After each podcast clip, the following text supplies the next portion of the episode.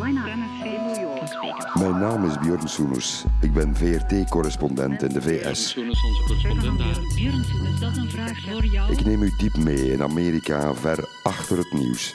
In het hart en de geest van dat immense land, de Verenigde Staten. What can you do? You can vote. You can protest. De laatste fase van de actiedag gaat er heftig aan toe. We are here to protect American citizens. Bruce Springsteen was born in the USA. Ik woon er. Ik werk er. Dit is Björn in the USA. Welkom bij aflevering 43 van mijn tweemaandelijkse podcast.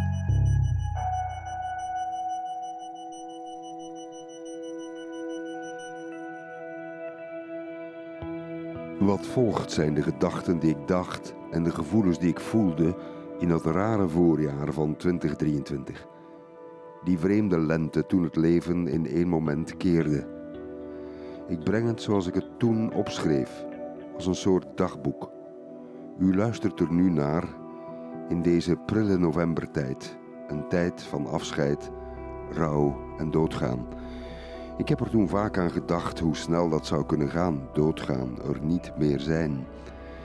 Ik was er natuurlijk al lang niet voor ik er wel was. En zo zal het ook gaan na de dood. Je bent er langer niet dan wel. Maar ik ben er nog. Ik heb altijd met de gedachte geleefd dat het leven slechts een flits was tussen twee eeuwigheden van duisternis, zoals Vladimir Nabokov het ooit opschreef.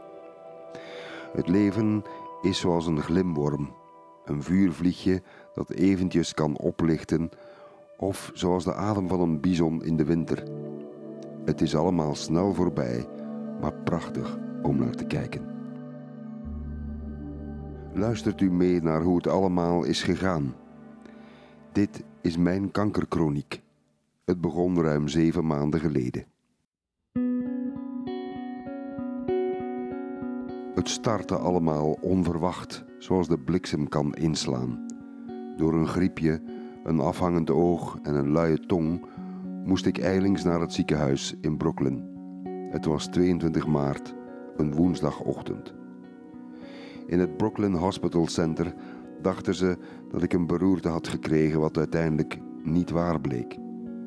De radiologen ontdekten bij de hoofdscan na de schijnberoerte bij groot toeval een verdachte plek op mijn rechterlong, helemaal bovenaan, op de top van. Een jonge tumor, zo bleek, zodat ze wellicht, ze, de dokters, mijn leven zouden kunnen redden. Sindsdien, sinds een dag of tien, is het leven heel raar. Een schuif af, een rollercoaster van gevoelens. Nooit heb ik zulke lieve dingen gehoord, gelezen of vernomen van mensen die ik soms amper kende, of van mensen die ik totaal niet ken, of van bekende of onbekende collega's of oude en nieuwe vrienden die plots weer opduiken. De meeste mensen deugen ontzettend, heb ik in die uren en dagen gemerkt. Hoe vreemd dat ook klinkt, mijn kanker maakte mij opgewekt over al die uitingen van liefde en vriendschap.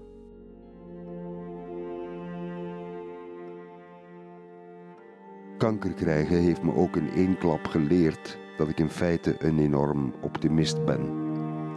Het lukt me niet om zwaar te somberen of om neerslachtig of ongelovig te zijn over de toekomst. Ik heb meteen ook besloten, ook humor over de tumor. Alles is nu intenser, dieper, echter, zonder bullshit. De liefde regeert. Ik moet denken aan mijn twee volwassen kinderen, Gilles en Hanna. Gilles is net vandaag op 8 april 2023 28 geworden. Hanna wordt 26 over een week of twee.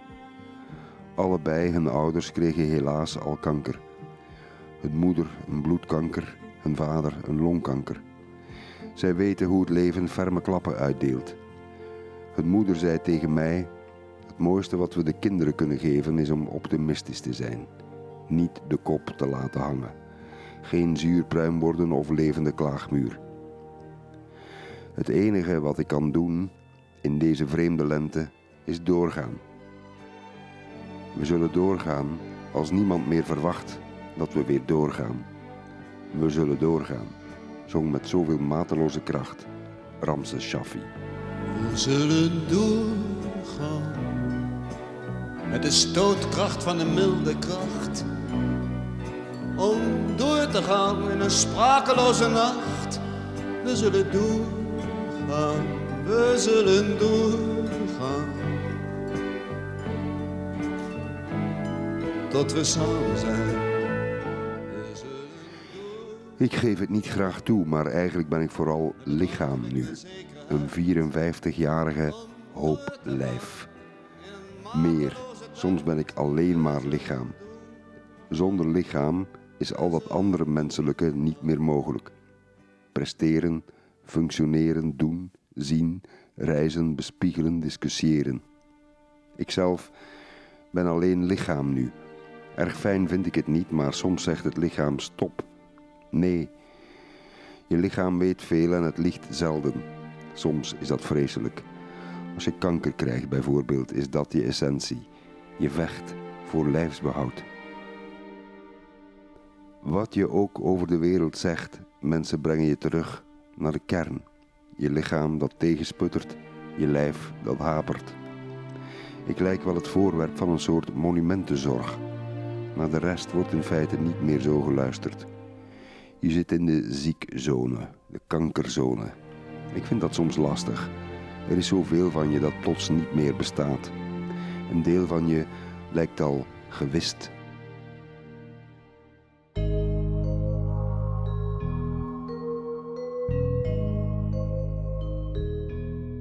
Soms wil ik negeren dat ik ziek ben. Ik verzet me tegen het label op de afrit richting dood. Ik beken, heel mijn leven is een gevecht tegen vergeten en vergeten worden. Een strijd tegen het onvermijdelijke. In je leven strijd je om gehoord en gezien te worden. Je bestaat alleen in het licht van anderen, zoals een zonnebloem zich naar de zon keert. Zonder anderen ben je zoals James Salter, de schrijver, die ooit een gevangene beschreef die in zijn bed van zijn gevangeniscel droomt van het leven. Dat ultieme taboe, het einde, het grote niets, de dood.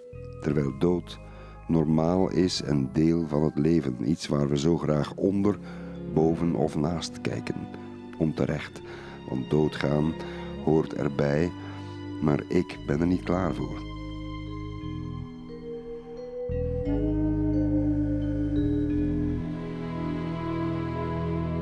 Kanker krijgen is zeer confronterend. Je kijkt de eindigheid recht in de ogen. Ik begrijp de boodschap. Man, neem jezelf toch niet zo ernstig. Man, je hoeft nu niet relevant te zijn of Amerika-expert of wat dan ook. Björn, het is enkel nog de broze naam van een lichaam. Björn is nu een arm aan het infuus, man met tumor op de rechterlong. Toen ik deze week een PET-scan kreeg met contrastvloeistof en radioactieve suiker in mijn bloed gespoten kreeg, toen ik de mond open moest sperren voor een bronchoscopie, toen was ik totaal en alleen maar lijf. Alleen maar lichaam. Je bent je mens zijn even kwijt. Ik moest en ik moet er mij bij neerleggen. Ik ben als lijf naar de garage gebracht. Het doet me denken aan hoe de jeugd vergaat. Zoals in dat prachtige liedje over vergankelijkheid van Cat Stevens, die ik ooit zag optreden in Vorst Nationaal. Oh, very young. Oh, very young, what will you leave us this time? You're only dancing on this earth for a short while. Stevens had zelf TBC gekregen op zijn 19. Toen hij dit nummer schreef op zijn 25ste, had hij al de wijsheid van de nakende dood geproefd.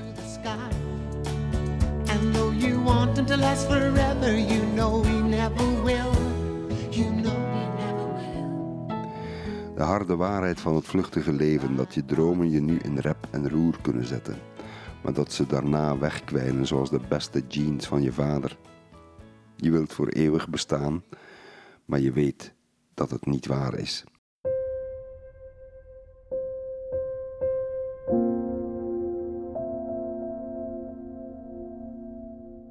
De autokeuring, als het ware, laat me even niet door. Eerlijk, het doet me nog liever leven. Soms ben je in het leven blind, ook al zie je. In ons leven nemen we vaak een route die we alleen maar rechtdoor willen zien, op de snelweg van dat leven, de expressweg. Nu zegt mijn lijf, beste vriend, je gaat nu verplicht een halte vroeger stoppen. Je gaat de afrit nemen. Je gaat die pitstop niet overslaan. Het doet soms zeer jezelf teruggebracht te zien tot de naam van je ziekte, in mijn geval kanker. De ziekte kan je niet losmaken van je persoon. Het is nu deel van mijn levensverhaal. Een verhaal dat meandert en verandert, zoals elk leven. Het is ook heel raar dat ik in mijn hoofd voortdurend teruggeslingerd lijk naar mooie dagen uit mijn kindertijd. De muziek die ik wil horen is ook altijd uit die periode. Eres tú van de Baskische muzikanten van Mocedades. Voortdurend tranen met tuiten willen huilen. Weer dat kind zijn van zes jaar, nog niet in het eerste leerjaar. Una promesa eres tú, eres tú. Como una promesa, eres tú, eres tú. Als een belofte ben jij, ben jij. Kanker krijgen doet hij mee krijgen en vastklampen aan wat niet meer bestaat. Así, así, eres tú. Toda mi esperanza eres tú, eres tú. Ik slaag er nogthans niet in om ook maar één moment van bitterheid of woede te voelen. Dit is gewoon het leven zoals het op dit moment is. Ik mag die pitstop niet overslaan. Sta met z'n allen maar even stil. Sta allemaal stil. Er is in feite niets gezonder. Even de tijd stopzetten en de oogkleppen van het leven verwijderen. Intussen, wees lief voor elkaar zolang het kan. Die gedachte spookt voortdurend door je hoofd. Er is in feite niets anders meer. El fuego de mi hogar. Algo así eres tú.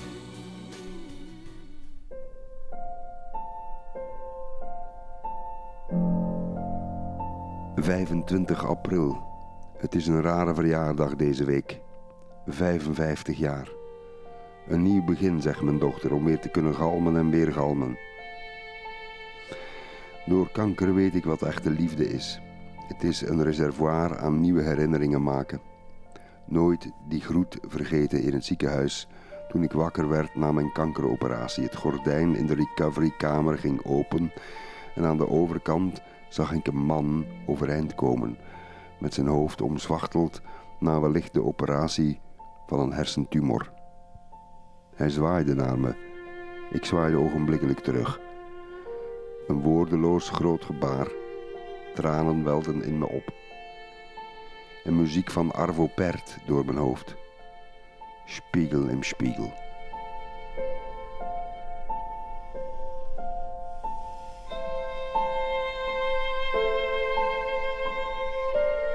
Zo voelde ik me met die man. Spiegel tegen spiegel. Twee schimmen in een soort kankergrot. Even later was de pijn een paar momenten niet te harden. Het moet een uur of twee na de grote operatie zijn geweest waarbij mijn door een longtumor aangetaste bovenste rechter longkwap was verwijderd. Een dokter, een anesthesiste die Russisch leek te spreken en die door mijn zorgende zoon, zelf een chirurg, in het ziekenhuis was gesommeerd, zette een blokje. Dat is een soort extra verdoving zoals ze dat doen bij een epidurale verdoving ergens in of rond je ruggenmerg.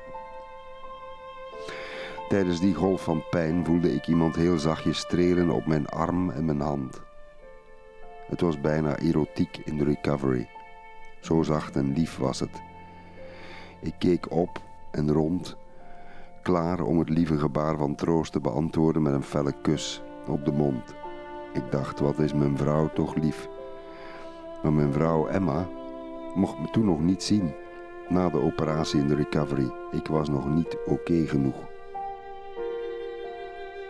De streling kwam van een verpleegster. Dat overweldigende gebaar zal ik nooit vergeten. Ook het waterijsje niet dat ik even later kreeg toen mijn droge mond een beetje moest worden verfrist. Nooit heb ik meer gehouden van zo'n onnozel waterijsje. Ik was blij dat ik in leven was. Het was een mooi moment.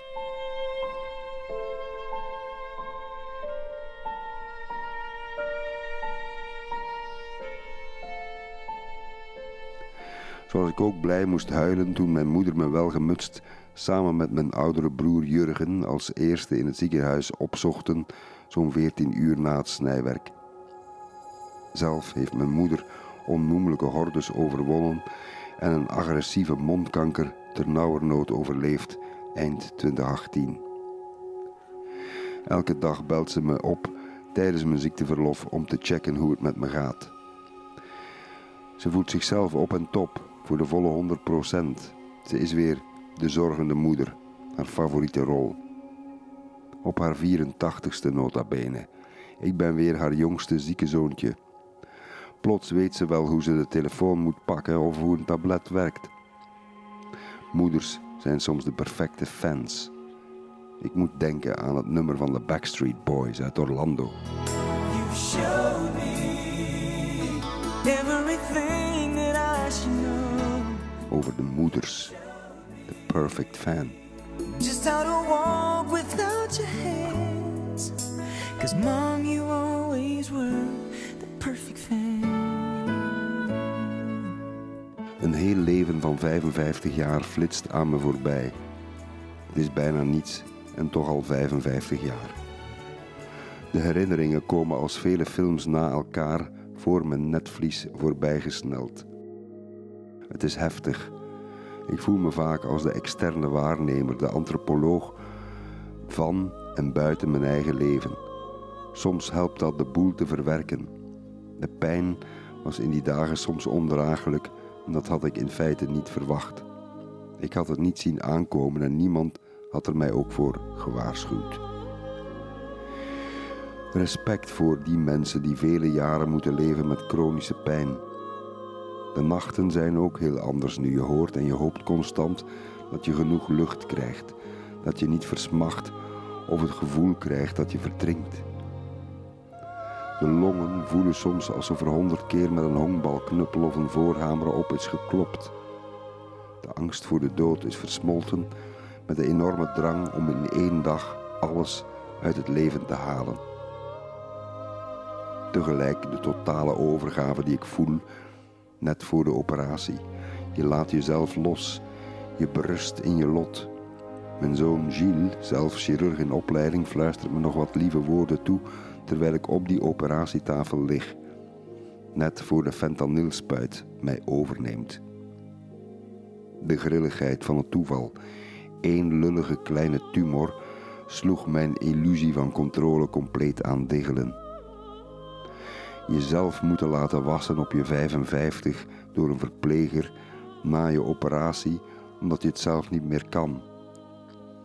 Al je borsthaar dat wordt weggeschoren alle drainages, infusen en draden op en in je lijf.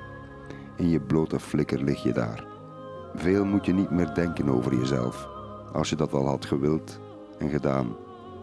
Jezelf laten wassen door een vriendelijke onbekende, dat is overgave. Dat is schaamte overwinnen. De bevrijding die ik voel wanneer een afvoerbuis van zo'n 30 centimeter uit mij en mijn long wordt getrokken één dag na de operatie. Een pijn die daardoor soms aanvoelt als iemand die staat te stampen op je borstkas. Die rauwe aardsheid van die pijn. Je bent niets dan pijn. Je doet niets liever dan de pijnpomp nog een extra druk geven, nog een beetje morfine erbij. Oh ja, heerlijk, dank u wel, zuster morfine. Huilen na een moeilijke nacht en toch weten dat het herstel in feite ontzettend snel zal gaan. Eén dag na je longkankeroperatie moet je alweer stappen en fietsen op een home trainer. Ongelooflijk. Leven de geneeskunde, maar vooral leven de zorg en de zorgwerkers. Ik hou van hen, s'nachts en overdag. Want als je een zieke bent in het ziekenhuis, leef je een ander leven. Van pil naar pil, van pijnstiller naar pijnstiller. Van de ene kankerslaap naar de andere.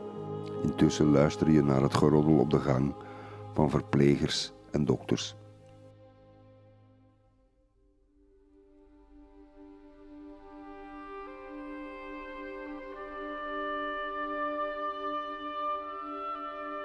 Begin mei 2023. Het blijft koud in België, waar ik even ben teruggekeerd voor mijn kankerzorg. Leven is altijd een gevecht tegen chaos en verval. Het leven is soms ook een gevecht tegen ziekteverzekeringen. In Amerika zou deze kankerbehandeling te veel geld kosten voor mezelf en voor de organisatie waarvoor ik werk. Ik keer terug naar België, waar de ziekenzorg zwaar wordt onderschat. De Belgische ziektezorg behoort allicht tot de beste in de wereld. Ziek worden confronteert je met aftakeling, het onvermijdelijke lot van ons allemaal. Ik probeer orde in die natuurlijke chaos te krijgen door niet stilletjes in een hoekje te blijven zitten, maar door mijn ervaringen met u te delen. Dat is minder eenzaam. Waarom in godsnaam zou ik iets verzwijgen? Dit is de condition humaine. Daar moeten we toch over spreken. Als de dingen je ontglippen, dan helpt het om ze vast te houden in woorden die je vervolgens deelt met de buitenwereld.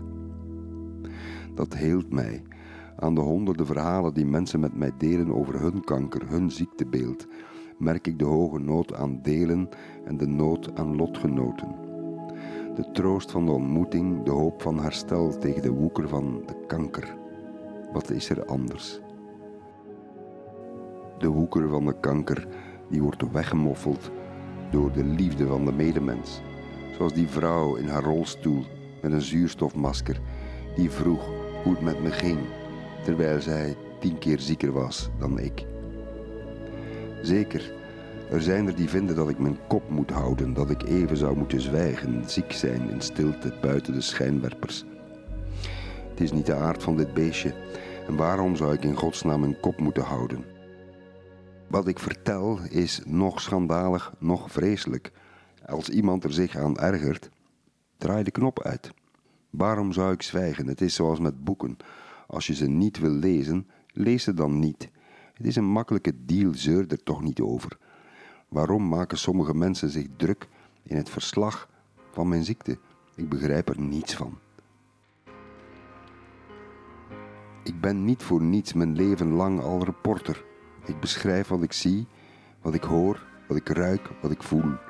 Het enige verschil is nu, nu ben ik voor even ook de reporter van mijn eigen leven en sterfelijkheid. En ik schaam me daar totaal niet over. Het delen doet me zelfs veel sneller genezen, denk ik. Ook al sta ik enkele weken en maanden werktechnisch aan de kant. Ik wil delen hoe het met me gaat omdat er zoveel lotgenoten zijn die de woorden niet vinden om hun vertwijfeling te beschrijven of te vatten.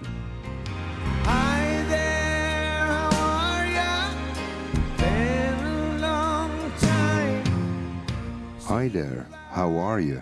Zoals in het prachtige nummer Pretty Maids All in a Row van The Eagles, meeslepend live gezongen door de geweldige Joe Walsh.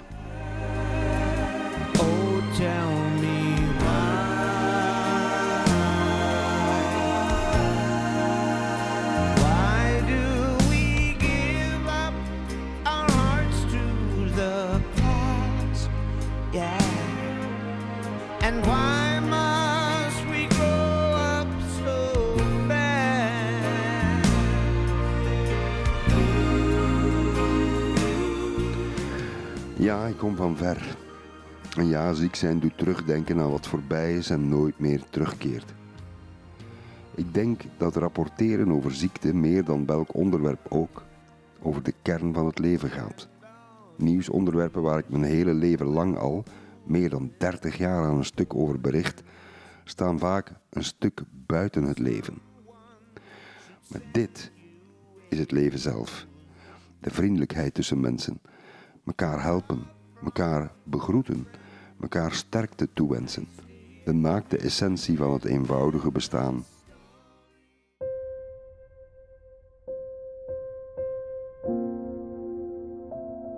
Wat ik erg raar blijf vinden is hoe zwaar het woord kanker nog altijd weegt. Ook al ga ik mijn longkanker hoogstwaarschijnlijk aanzienbare tijd overleven na het wegsnijden van die kwaadaardige tumor. Toch blijven ontzettend veel mensen naar me kijken alsof ik waarschijnlijk niet zo lang meer te leven heb. Kanker heeft dat effect.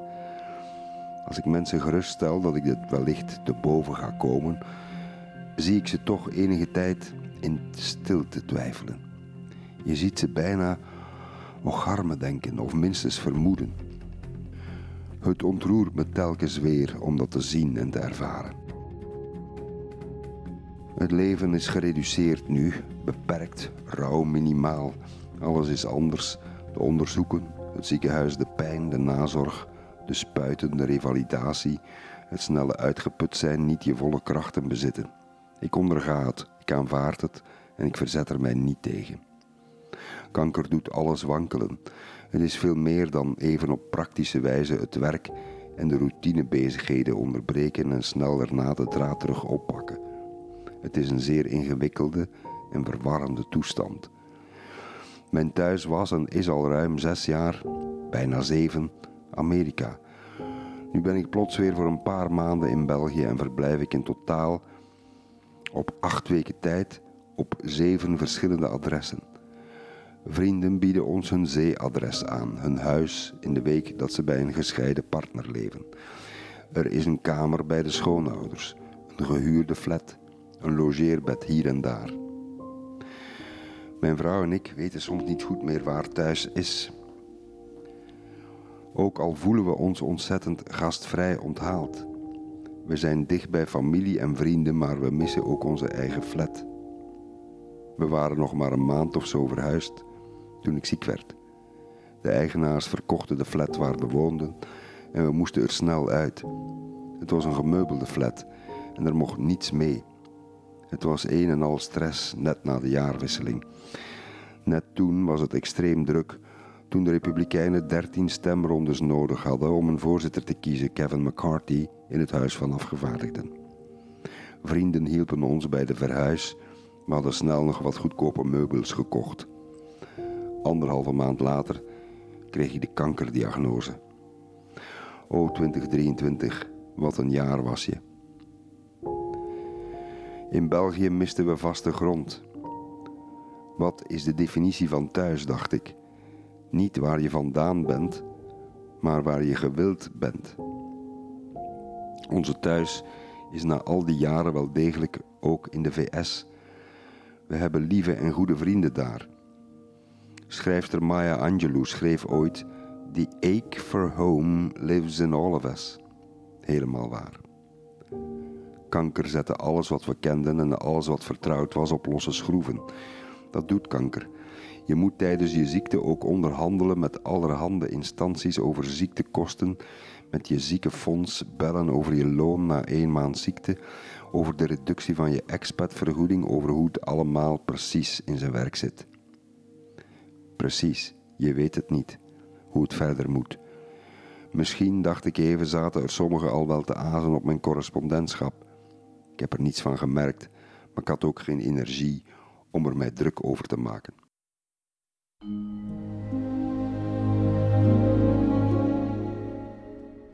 Kanker doet je leven natuurlijk vreselijk wankelen en daveren en intussen draait de wereld gewoon door. Plots denk je na over al je eigen ambities, is het dat allemaal wel waard? Wil je wel voluit naar dat vroegere leven terug? Je drukke baan zoals die was, dat helse ritme, het spookt allemaal door mijn hoofd. Soms voel ik een soort heimwee naar alle levens die ik had kunnen leven, maar nooit heb geleefd. De gedachte dat wat ik heb gedaan allemaal niet veel is geweest.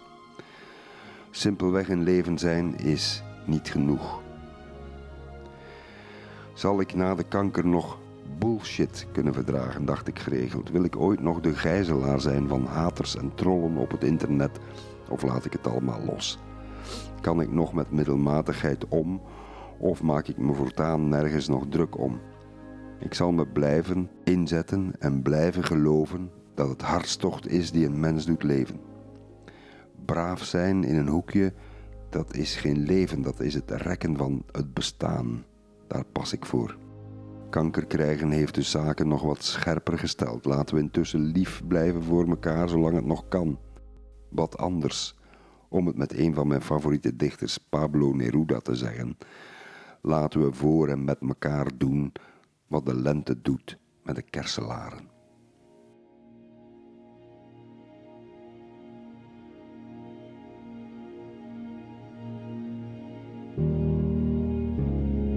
Ik hoor het zo vaak zeggen dat iemand moedig tegen kanker vecht. Ik word er wat pissig en nijdig van. Tegen kanker vecht je dus niet. Tegen de teleurstelling dat je kanker krijgt, wel, hoorde ik Yvonne Kronenberg op de radio zeggen. Heel juist. Zoals je ook spijt kan hebben over je manier van leven. Dat je misschien wel je tijd hebt verprutst bij momenten of aan de foute mensen en dingen aandacht hebt geschonken kanker krijgen voelt alsof iemand je een flinke mep verkoopt. Een collega schreef mij vol liefde, maar ook vol boosheid. Het is verdomme, godverdomme je eigen schuld. Je had maar niet moeten roken, godverdomme Björn. Ik rook ook, schreef collega Stijn. Vaak, ik stop vaak ook, maar ik herbegin ook vaak. Ik beken, ik heb lang en veel gerookt. Vanaf mijn zestiende in 1984 tot 22 maart dit jaar, één maand voor ik 55 werd. Tot aan mijn longkankerverdict dat ik te horen kreeg in een ziekenhuiskamer in Brooklyn, New York, op de spoedafdeling. Na een echografie van mijn hart vertelde een cardiologe me ook nog dat ik letterlijk een gat in mijn hart heb. Maar dat kan ik overleven als ik verder een gezond leven leid. Ik heb het overigens een keer ruwweg berekend. Bijna 40 jaar lang heb ik gerookt aan ongeveer 15 tot 20 sigaretten per dag. Dat zijn er dus tussen de 200 en 250.000. Een kwart miljoen sigaretten. Ik heb altijd geweten dat roken niet gezond was, maar ik was verslaafd, dus werd dat weten weggemoffeld. Sigaretten zijn een zeer verslavende drug. Je geraakt er moeilijk vanaf. Ik heb tientallen keren geprobeerd. Na drie dagen stoppen dreigde ik vaak met aanslagen. Toen een dokter mij meedeelde longkanker, lukte het meteen om te stoppen. En vermoed ik, het zal dit keer voorgoed zijn. Als ik deze podcast inspreek, heb ik intussen ruim 200 dagen niet gerookt. 3000 sigaretten niet opgestoken die ik anders wel zou hebben gepaft. Is bijna niet te geloven welke rotzooi ik tientallen jaren lang in mijn lijf heb gezogen. Ik maakte mezelf tientallen jaren lang allerlei dingen wijs. Een sigaret is gezellig. Een sigaretje verhoogt de creativiteit, zorgt voor een betere focus. Een sigaret ontspant na de stress enzovoort. En bladibla en bladibla. Dat doet een verslaafde voortdurend. Ik had ook een lijf dat rook uit alle poriën uitwasemde. Ik heb mijn vrouw en kinderen vaak zien piekeren en treuren over mijn rookgedrag. Dit gaat ooit slecht aflopen, zag ik ze denken. Hun ergste nachtmerrie was dat ik longkanker zou krijgen. Ze kregen verdorie nog eens gelijk ook. Roken was in feite in mijn leven zoals Russische roulette. Het geweer tegen je slaap tot er een kogel indramt in de vorm van een hartaanval, een beroerte of een long- of keeltumor. Het werd de longtumor. 54 jaar en 11 maanden oud was ik. Eindelijk raak. Longkanker. Eigen schuld, denk ik. De dokters vermoeden het snel, maar ze durfden het niet echt met zekerheid zeggen. Daar waren proeven voor nodig en een longpunctie om het zeker te weten. Bij mij was dat tijdens de operatie zelf. Ik heb er een foto van bewaard van die motherfucking tumor. 85% van de mensen die longkanker krijgen, roken of hebben gerookt. Daar is geen weg naast. Ik heb nog meer medelijden met die 15% longkankerpatiënten die nooit hebben gerookt. Mijn oncoloog gaf me een uitweg. Een mentale uitweg. Ik kwam uit een tijdperk, zei hij, waarin er nog bijna overal werd gerookt. Op mijn middelbare school, op het college in Isegem, mocht je zelfs roken vanaf je vijftiende, vanaf de vierdes. Reclame voor roken zag je overal, in bladen, op grote billboards langs de weg. Een Belga rook je nooit alleen. Ik kom uit een tijdsgevricht waarin zelfs de beste wielrenner aller tijden, Eddy Merckx, sigaretten promoten na zijn loopbaan. Ik weet het nog, het was voor het merk R6. Onze beste hoogspringer Eddy Anijs pafte nog een paar sigaretten voordat hij in 1985 over 2,36 meter sprong. Tijdens mijn eerste vliegreis naar Amerika in 1986, toen ik 18 was, werd er overal op het vliegtuig gerookt. Het was bij de Schotse maatschappij British Caledonian. Ik zoek geen excuses, maar die tijd was het. Waar men op recepties niet enkel met drank rondging, maar ook met schalen vol sigaretten van alle soorten merken. Bastos, Groene Michel, Richmond, Kent, Armada, Marlboro en Boule. Ik ken ze nog allemaal.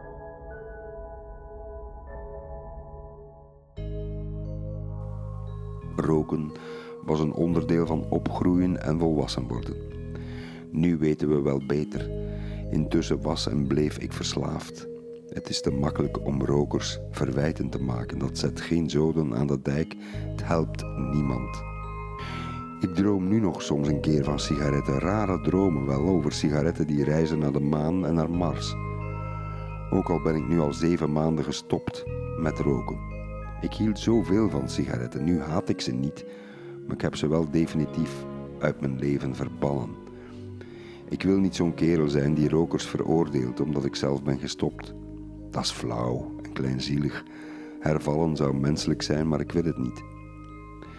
Ik kan enkel zeggen, de sigaret heeft mij hoogstwaarschijnlijk longkanker gegeven. Ik wil nooit terug naar die wereld van sigaretten. De sigaretten hebben me bijna vermoord. Ik ga die tweede kans proberen niet te verprutsen. Ik vind wel dat de overheid mensen zou moeten screenen op longkanker vanaf een 50. En als ze risicogedrag vertonen of hebben gehad, rokers of ex-rokers, door vroeg te screenen kan je veel ellende voorkomen. In Amerika gebeurt zo'n longkankerscreening. Ik hoop dat Vlaanderen nu gaat volgen. Waarom wel voor darmkanker en niet voor longkanker, als je met een scan kan screenen. De oncoloog in België heeft me op 8 mei verteld dat ik geen chemo, geen bestraling of immuuntherapie nodig heb. De kanker zit niet in mijn lymfeklieren. Die avond is er gehuild.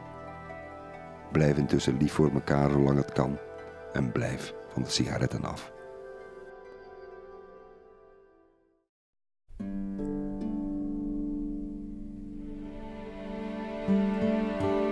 ...17 mei, één maand na de operatie. Het is alsof ik nooit intensiever heb geleefd... ...dan in de voorbije weken van onzekerheid en ziekte. Mijn minst productieve professionele weken... ...in ruim 30 jaar beroepsleven. Mijn zoon, mijn dochter en mijn vrouw dachten dat ik van niets doen compleet gek zou worden. Ik werd niet gek. Want niets presteren, niet op de televisie komen, geen stukjes maken voor het radionieuws. Dat betekende de afgelopen weken niet dat ik niet veel heb gedacht en gevoeld. Andere dingen wel. Zo vond ik de symboliek van mijn ziekte meer dan toeval.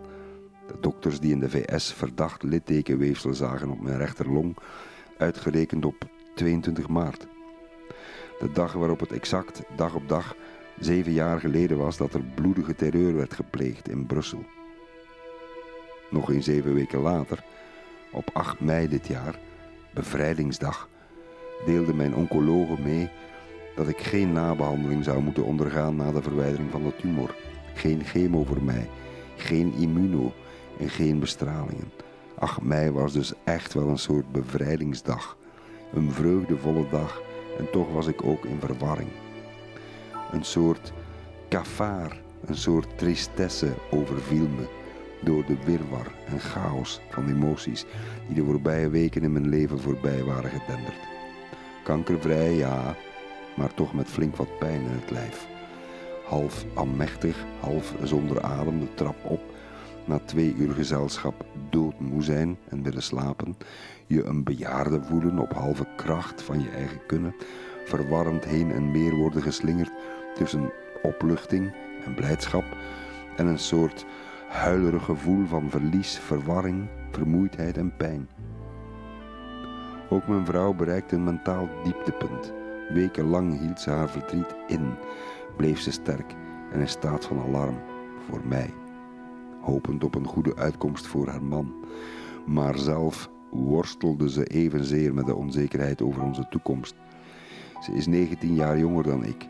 Ze had zorgen in een land dat op dit moment het onze niet meer is, na bijna zeven jaar wonen en werken in Amerika.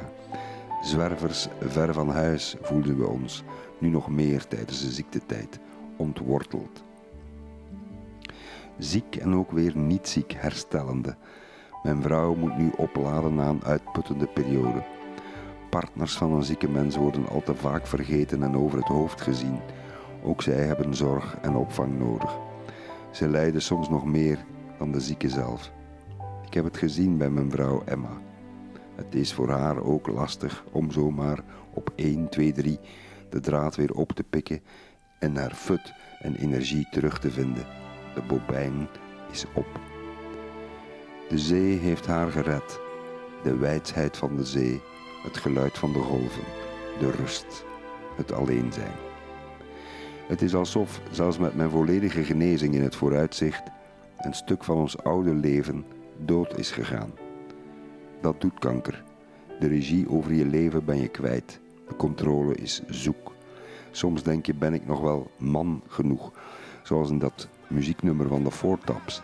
Are you man enough?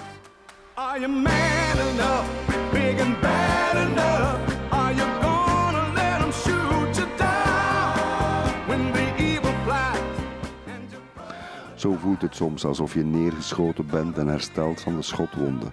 Mijn buik staat een maand na de operatie vol blauwe plekken van de bloedverdunnende spuiten tegen phlebitis. Die krijg je na een operatie om bloedklonters te vermijden. Ik mag zes weken lang het vliegtuig niet op om mijn long te beschermen. Iedereen monstert me. Zie ik er nog wel uit als iemand die net kanker heeft gehad? Ik heb tijd nodig om alles een plek te geven, maar straks begint mijn job weer in volle vaart. Terug de rails op van het vroegere leven. Weer gezien worden en intussen denken: wie niet gezien wordt, is daarom niet weg. Dit heb ik al lang geleden geleerd. Ziekte doet je de wereld in feite beter begrijpen dan werk. Het is een soort rouwproces waar ik door moet. Ik heb geleerd dat het leven vooral de moeite waard is door partner, kinderen, vrienden, vriendinnen, fijne familie. That's it. That's it. Niet het avontuur primeert, maar wat dichtbij is, voor je neus ligt.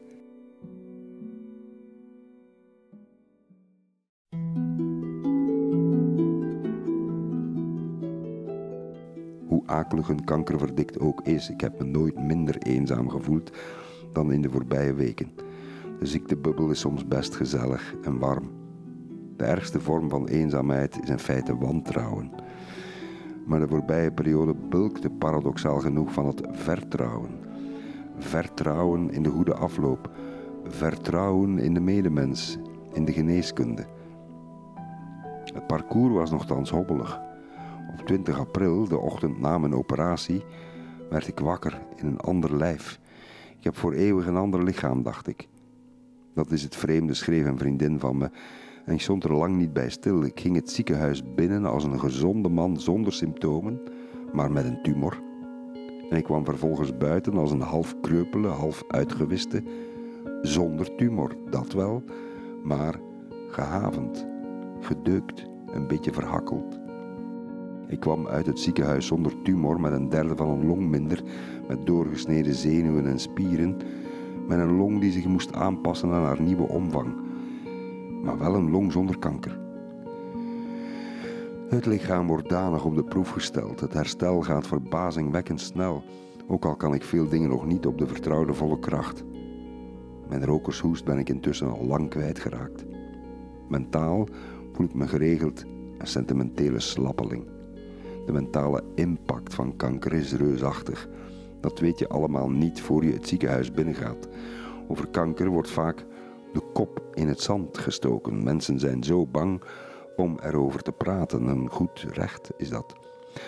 Het woord kanker wordt al te vaak omhuld met een dekentje van discreet stilzwijgen. Doodzwijgen in feite. Ik belde er lang over met mijn collega Martin Tange. Hij was al jaren hervallen, had opnieuw kanker gekregen en had dat voor nagenoeg iedereen stilgehouden. Twee maanden nadat ik met Martina had gebeld, stierf ze. Iedereen was verwonderd, verbijsterd, maar eigenlijk vocht ze al vele jaren tegen het onvermijdelijke niet meer te bevechten afscheid. Dat heeft er bij me diep ingehakt. Het is echt voorbij voor haar. Ze is weg. En ze leefde zo graag. Maar daar houdt de natuur natuurlijk geen rekening mee met wat wij eventueel zouden kunnen willen. Bij Martines dood, putje zomer, moest ik ook denken aan hoe onwricht zij kon raken als iets in het journaal niet goed ging. Nu denk ik, ach, wat was het nut van al die zorgen? Wie weet er nog dat er toen een woord fout was gespeld in een ondertitel? Tegelijk, hoe kan je een goed leven leiden zonder uitmuntendheid na te streven in alles wat je doet? Die essentiële vraag, die essentiële vraag, wat van ons blijft er bestaan?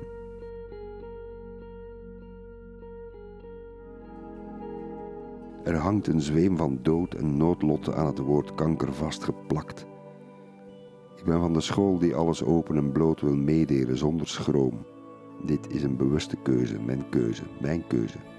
Ik heb dat ook van mijn dokters verwacht. Geen schroom, openhartigheid.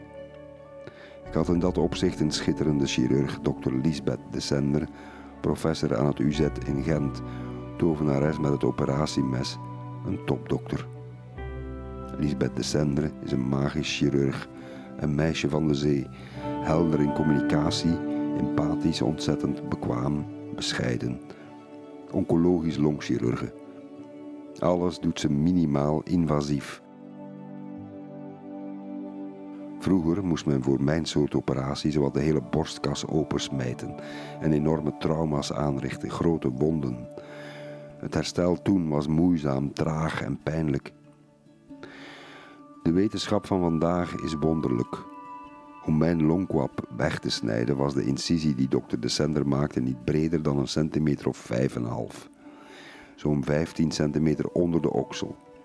Je ziet het nog amper nu. Het is wonderlijk, een klein paarstreepje op mijn zij. Door die hele kleine snee ging een cameraatje naar binnen voor een kijkoperatie. Een longkwap werd er uitgesneden, inclusief de tumor dus, en ging door die kleine snee tussen de ribben naar buiten. Onvoorstelbaar als je erbij stilstaat. Na de operatie blijf je met een soort buis, een drain, zitten van 30 centimeter lang in je long. Pleuris vocht uit die long wordt ermee afgevoerd om te checken of er geen lucht uit de long ontsnapt nadat ze bij het weghalen van dat stuk long je resterende longkwabben aan elkaar hebben geniet.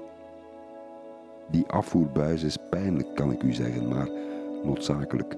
U kent de uitdrukking: als je een regenboog wil, dan moet je er ook de regen bij nemen. Nog geen 15 uur na de operatie, een ingreep van 3,5 uur, kreeg ik al bezoek van de bewegingstherapeuten om weer diep te leren inademen met de verkleinde long. Heel pijnlijk. De long leek wel dichtgekleefd. Ze kwamen me al halen om rond te stappen op de gang en op de home trainer te fietsen. Revalidatie in volle actie, geen tijdverlies. Op de foto's zie je me rondlopen met mijn morfinepomp en zuurstofslangetjes in de neus. Na vier dagen verliet ik al het ziekenhuis. Dokter De Sender en haar team verrichten kleine wonderen. Dokter Lisbeth heeft mijn leven gered, of toch de rest van mijn leven gered. Ik heb het haar ook meegedeeld. Ze keek een beetje schuchter naar de grond en bloosde. Ze moest naar de volgende operatie, zei ze.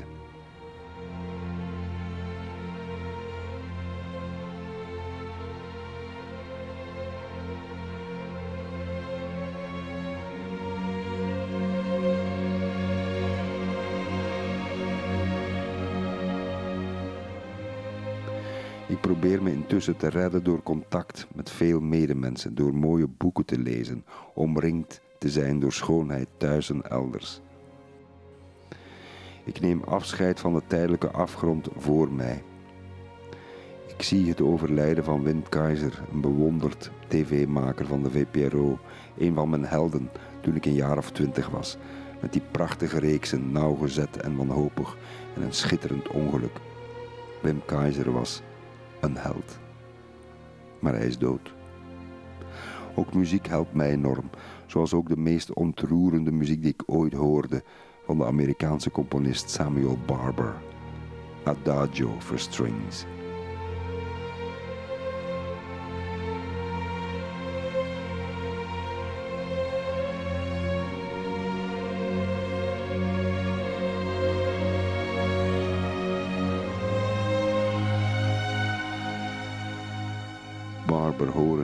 Koptelefoon op volle kracht en dan sterven.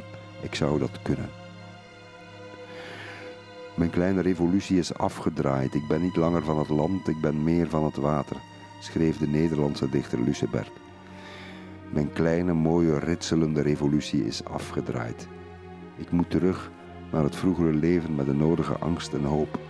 Ik moet weer leren leven en hopen dat alles wel goed komt. In de schaduw van de loerende dood bestaat meer eerlijkheid.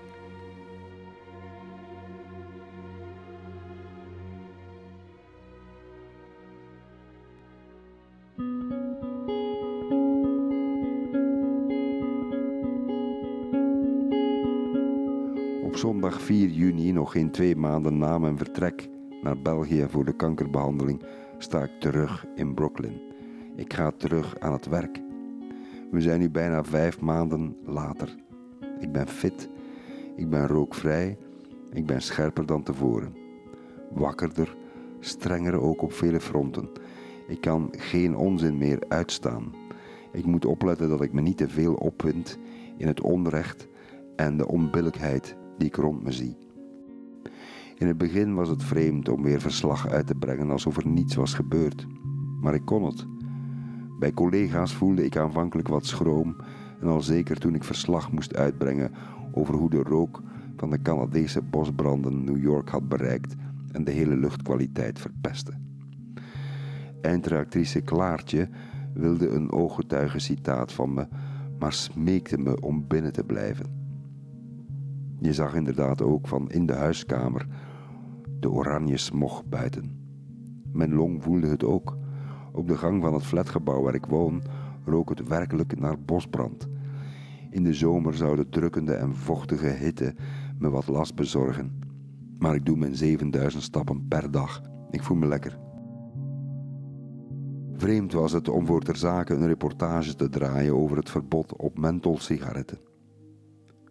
Voor mij is roken zoals een vreemde wereld die me niet meer vertrouwd is. Ik zie rokers rond mij stilletjes verdwijnen om hun sigaret ver van mij verwijderd op te steken uit angst, uit schroom. En ik kan u verzekeren, er waren vele momenten op één dag waarop ik rookte. Nu en dan heb ik een droge hoest, waardoor de alarmbellen weer afgaan. De puffer twee keer per dag. En de vele angstdromen over de eerste controle na de kanker. Nu, as we speak, na zes maanden. Angst om te hervallen is aanwezig, zeer aanwezig. De scan wordt gemaakt op 30 oktober. Daarom heb ik ook deze podcast gemaakt, voor de record, voor u, voor de kleinkinderen later. Ook al leef ik gezonder, ik heb het niet in de hand. Ik zal hervallen of niet hervallen. Het is binair, 0 of 1, wel of niet. Ik hoop dat ik nog wat respijt krijg en als ik toch weer ziek zou worden, ik heb mijn best gedaan. En over de mogelijke pijn voor de toekomst, al of niet, citeer ik graag singer-songwriter Ezra Furman. Fuck the hurt, fuck the pain, fuck the panic. Fuck the hurt, fuck the pain, fuck the panic, fuck the